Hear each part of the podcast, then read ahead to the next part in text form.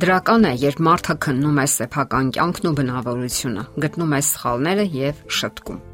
Սակայն որոշ մարդկանց մոտ այն պարզապես նմանվում է ինքնախարազանման, որն արդեն բացասական երևույթ է։ Այն կարող է ջլատել մարդու հոգեբանությունը, թուլացնել կամքը եւ հնարավորություն չտալ վայելելու կյանքը իր բոլոր դրսևորումներով։ Իսկ երբեմն այն հիվանդությունների պատճառ է դառնում։ Շատերի համար հիվանդություններ են միայն օրգանիզմի ֆիզիկական աղավաղումները։ Իսկ ահա հոգեբանական աղավաղումները նրանք հիվանդություն չեն համարում։ Այնինչ շատ հոգեբանական հիմնախնդիրներ վաղ թե ուշ հանգեցնում են օրգանական խաթարումների։ Նշենք չարությունը, աններողամտությունը, հիշաչարությունը, մշտական բարկությունը, գրգռվածությունը կամ նյարդայնությունը, ներելու անընդունակությունը եւ այլն։ Այսօր խոսենք աններողամտության մասին, հատկապես սեփական անձի հանդեպ։ Վերջին հաշվով դա եւս չներելու տարատեսակ է, երբ մարդը չի կարողանում ներել ինքն իրեն։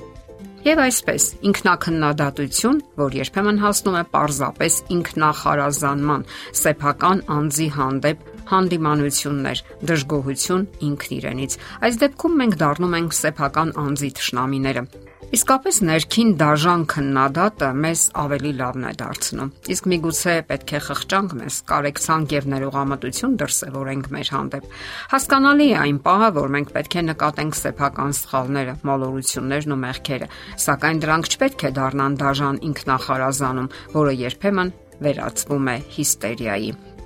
Հետաքրքիրն այն է, որ մենք այլ մարդկանց մեջ բարձր ենք գնահատում բարյացակամությունը, հանդուրժողականությունը, ներողամտությունը, ձգտում ենք դասյարակել դրանք մեր երեխաների բնավորության մեջ, իսկ ահա մեր հանդեպ հաճախ այնքան խիստ ենք, պարզապես քայքայում ենք մեզ առանց խնայելու։ Նման կյանքը կարող է թունավորել մեր հոգեբանությունը։ Մենք որպես մահկանացու էակներ պետք է հասկանանք մի པարս ճշմարտություն։ Մենք սխալական ենք եւ ենթակա ամենատարբեր սխալների։ Կյանքում միշտ էլ կհանդիպեն նման իրավիճակներ։ Հարկավոր է պարզապես հասկանալ դրանք, ընդունել, որոշում կայացնել, որ այլևս չեն կրկնվի դրանք եւ վստահ քայլել առաջ։ Փիլիսոփա Ֆաբրիս Միդալը գրում է. Ժխտելով սխալվելու իրավունքը, անընդհատ գնահատելով եւ կասկածի ենթարկելով սեփական կարեւորությունը եւ անպայման դեպի բացասական թույլ ուղղությամբ ժամանակակից հասարակությունը մեզ զրկում է մեր եւ ուրիշների հանդեպ հանդուրժողական վերաբերմունքից։ Շատերն այն կարծիքին են, որ խստությամբ կարելի է իշխանություն ձեռք բերել սեփական անձի հանդեպ եւ անznական աճ, եւ դա ամենամեծ մոլորություններից մեկն է։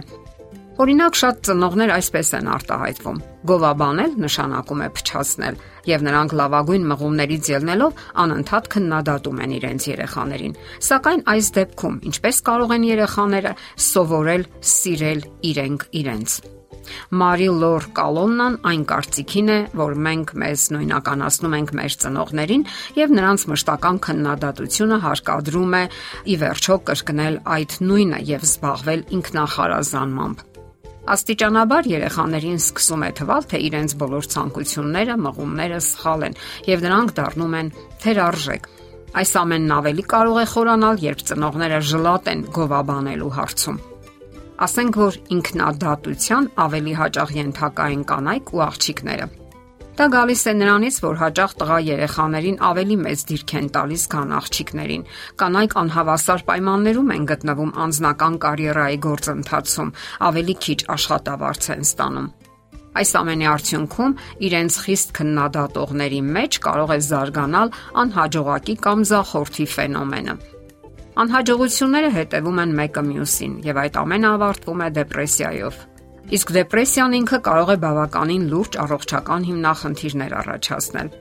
Հետաքրքիր է, որ ոչ տեղին գովասանքները նույնպես կարող են բացասական արդյունքի հանգեցնել, քանի որ այս դեպքում երեխան իր մասին ճիշտ եւ իրական տեղեկատվություն չի ստանում։ Իրեն վատ է զգում կամ մեղավոր է զգում այն երեխան, որի ծնողները բաժանվել են, քանի որ նա կարծես իրեն է համարում այդ ամենի մեղավորը։ Եվ եթե չկարողանա հրաժարվել այդ կեղծ պատկերացումներից, հետագայում կունենա անլիարժեքության բարթույթ, ինքնադատաստանի նոպաներ, այսպես ասած։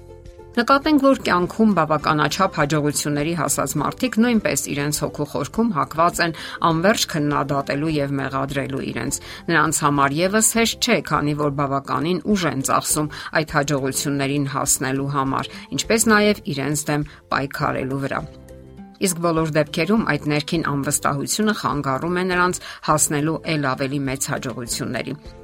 Մոլորություններից մեկն այստեղ այն է, որ ինքնակնդատության եւ ինքնադատաստանի հակված մարդիկ այն կարծիքին են, որ դրանով իրենք նպաստում են իրենց հոգեկան զարգացմանը։ Դա կարող էր եւ այդպես լինել, եթե նրանք արագ հետևություններ անեին եւ քայլեին առանց նախքին սխալների։